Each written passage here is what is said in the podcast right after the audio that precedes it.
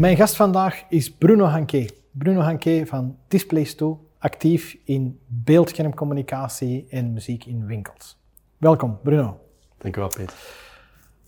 Om met de deur in huis te vallen, beeldschermen in winkels. Waarom zou ik dat doen? Wel, we leven in een maatschappij waarin uiteraard heel veel dingen online gebeuren. Oriëntatie, opzoeken van informatie, advies. Ehm, we komen dan in de winkel en dan is het eigenlijk belangrijk dat we op die emoties spelen, op die inspiratie. We hebben beelden nodig, beelden die het verhaal van het merk of van de retailer versterken. En eigenlijk zijn we inherent zeer emotionele wezens. We denken wel dat we zeer rationeel zijn, maar elke prikkel komt bij ons in onze rechter hersenhelft binnen, onze emotionele kant. En die kant heeft heel graag beelden en geluid.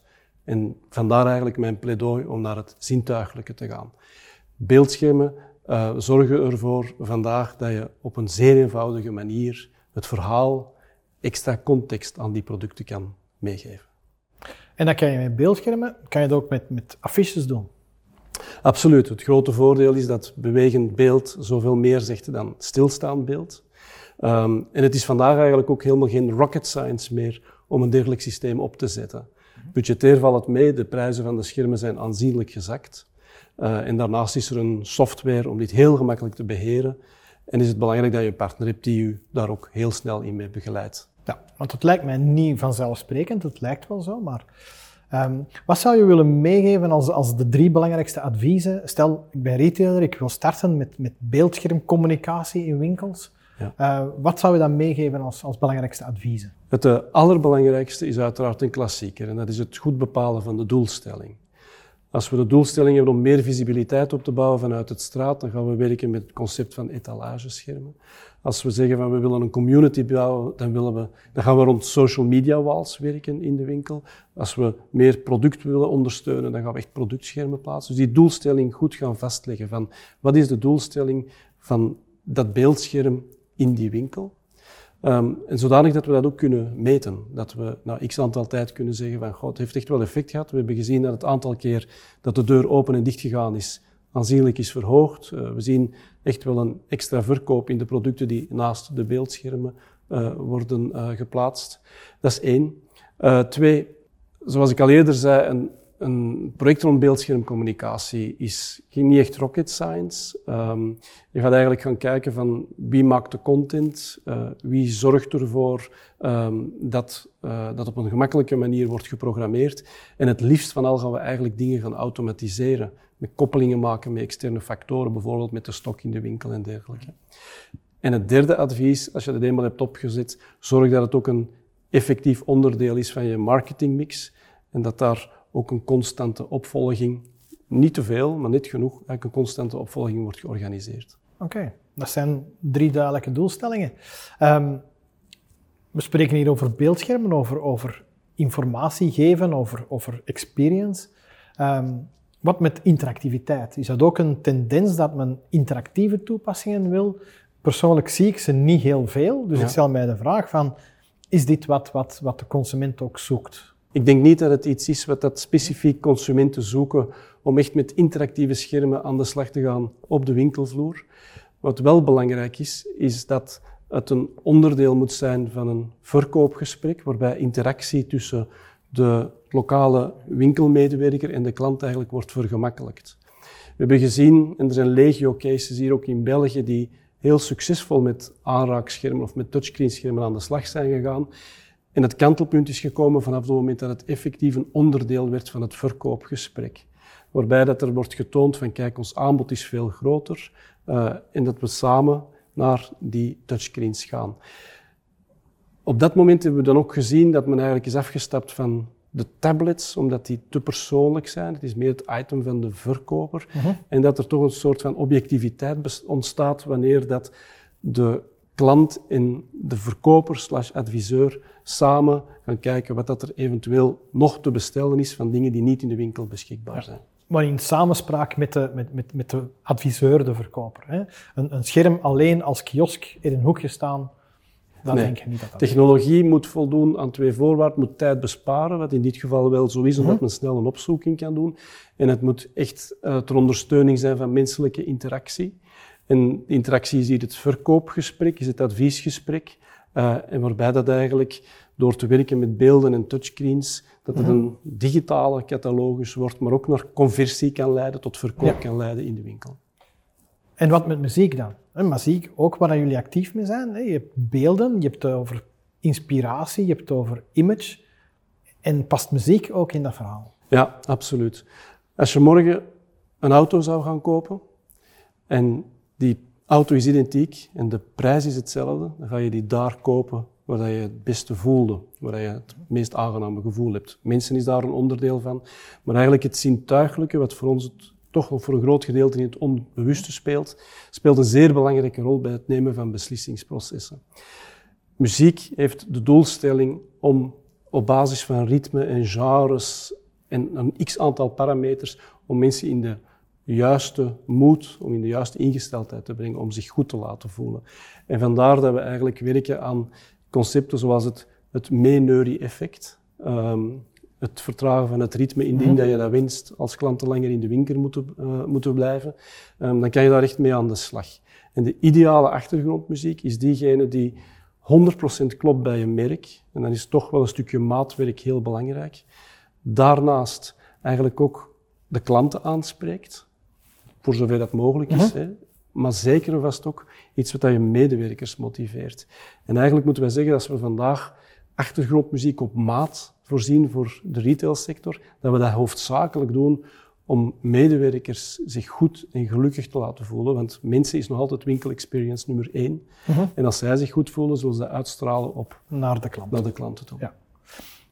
Moet ik dan beide doen? Moet ik in muziek doen, in beeldschermen of een winkel zonder muziek is heel doods, alhoewel dat daar concepten zijn die mhm. ook wel heel uitgesproken daarin verder gaan. Dus ik denk dat het wel belangrijk is om dat als basis te nemen.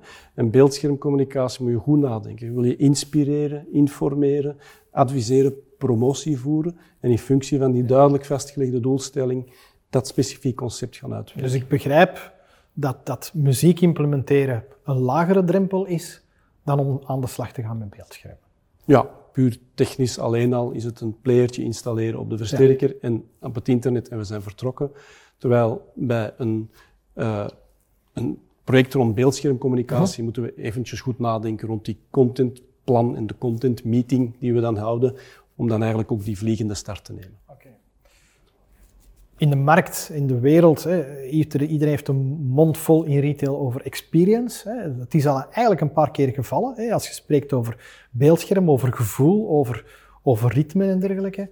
Uh, dan is de brug naar experience daar. Uh, zijn daar bepaalde zaken dat je zegt van, dat is voor mij experience in store, dat is waar het naartoe gaat? Wel, de boetade is natuurlijk dat uh, vandaag uh, online dat het transactioneel is, hè, dat we daar werken rond producten, um, voornamelijk rond informatie, en dat de winkel moet eigenlijk gaan naar de experience en naar het gevoel. Um, ik ben het daar voor het grootste gedeelte mee eens, maar er is eigenlijk de mengvorm die dat het meest succesvolle zal zijn. Waarbij dat ik ervan overtuigd ben dat er online ook nog heel veel kan gebeuren op het vlak van experience, beelden, video, echt mensen nog meer gaan inspireren. Maar het is zeer noodzakelijk om niet alleen bij producten te blijven op die fysieke plaats en daar ook dat verhaal eigenlijk te gaan, door, naar te, gaan, te gaan brengen van experience. Wat is nu experience? Experience is mensen gevoelsmatig aanspreken, zodanig dat ze zich goed voelen en zich overtuigd voelen dat ze de juiste keuze maken. Experience voor mij, nummer één, is mensen.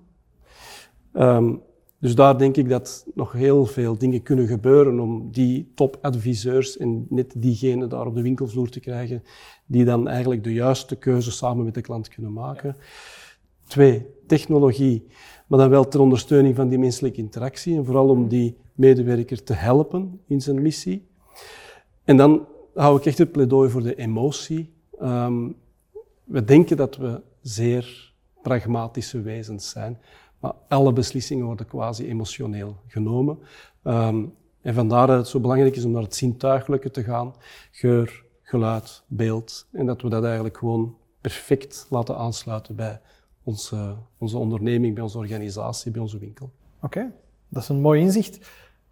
Is dat voor u ook de toekomst van de winkel? Of hoe zie je, hè, men, men, spreekt in, in, in de omnichannel-wereld over winkels, e-commerce, e-commerce neemt de winkels over.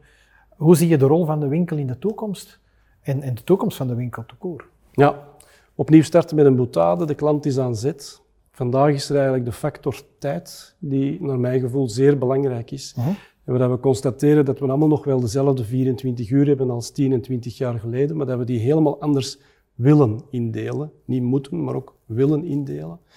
Dus het gedeelte run shopping zien we inderdaad dat een groot gedeelte online gaat. Fun shopping, of het echt naar basis van experience en dergelijke, zal altijd blijven bestaan. Dus een winkel zal moeten evolueren naar meer een adviescentrum, een community-omgeving, het uh, voelen van producten. En tegelijkertijd, voor die mensen die ook die run-behoefte hebben in de fysieke wereld, ook daar een antwoord aan te bieden. Met click en collect of een bepaald uh, assortiment altijd beschikbaar te hebben. Dus de wereld zal niet zwart-wit zijn, maar ik denk wel waar we naartoe gaan gaan, is dat de factor experience met mensen, het zintuigelijke en technologie ter ondersteuning van mm -hmm. dat geheel, dat dat toch echt wel iets is wat dat, uh, de toekomst zal bepalen in retail. Dus zo zie je dat, dat, dat mensen die combineren, die en online en winkels hebben, dat die een streepje voor hebben eigenlijk. Ja, absoluut. Ik denk dat dat ook uh, zeer duidelijk is vandaag, dat de pure players naar de winkels gaan en ja. de winkels hebben dan uiteraard vanuit een heel ander gezichtsveld die oefening ook al gedaan. Dus de meest succesvolle hebben die integratie eigenlijk al uh, achter de rug en succesvol kunnen doen. Dus het zal altijd een en-en verhaal zijn, zoals Peter de waarheid meestal in het midden ligt. Ja. Is er nog een laatste tip of advies dat je kan meegeven aan onze retailers? Wel, advies in die zin dat vandaag de algehele gekende oplossing niet bestaat en nooit niet zal bestaan. Um, alleen zou ik een pleidooi willen houden voor het niet zwart-wit denken, grijs denken, waarbij het niet zo is dat het internet daar alles transactioneel en verkoop en prijs is en dat de winkel de experience is, maar dat we die twee werelden echt heel mooi in elkaar laten glijden.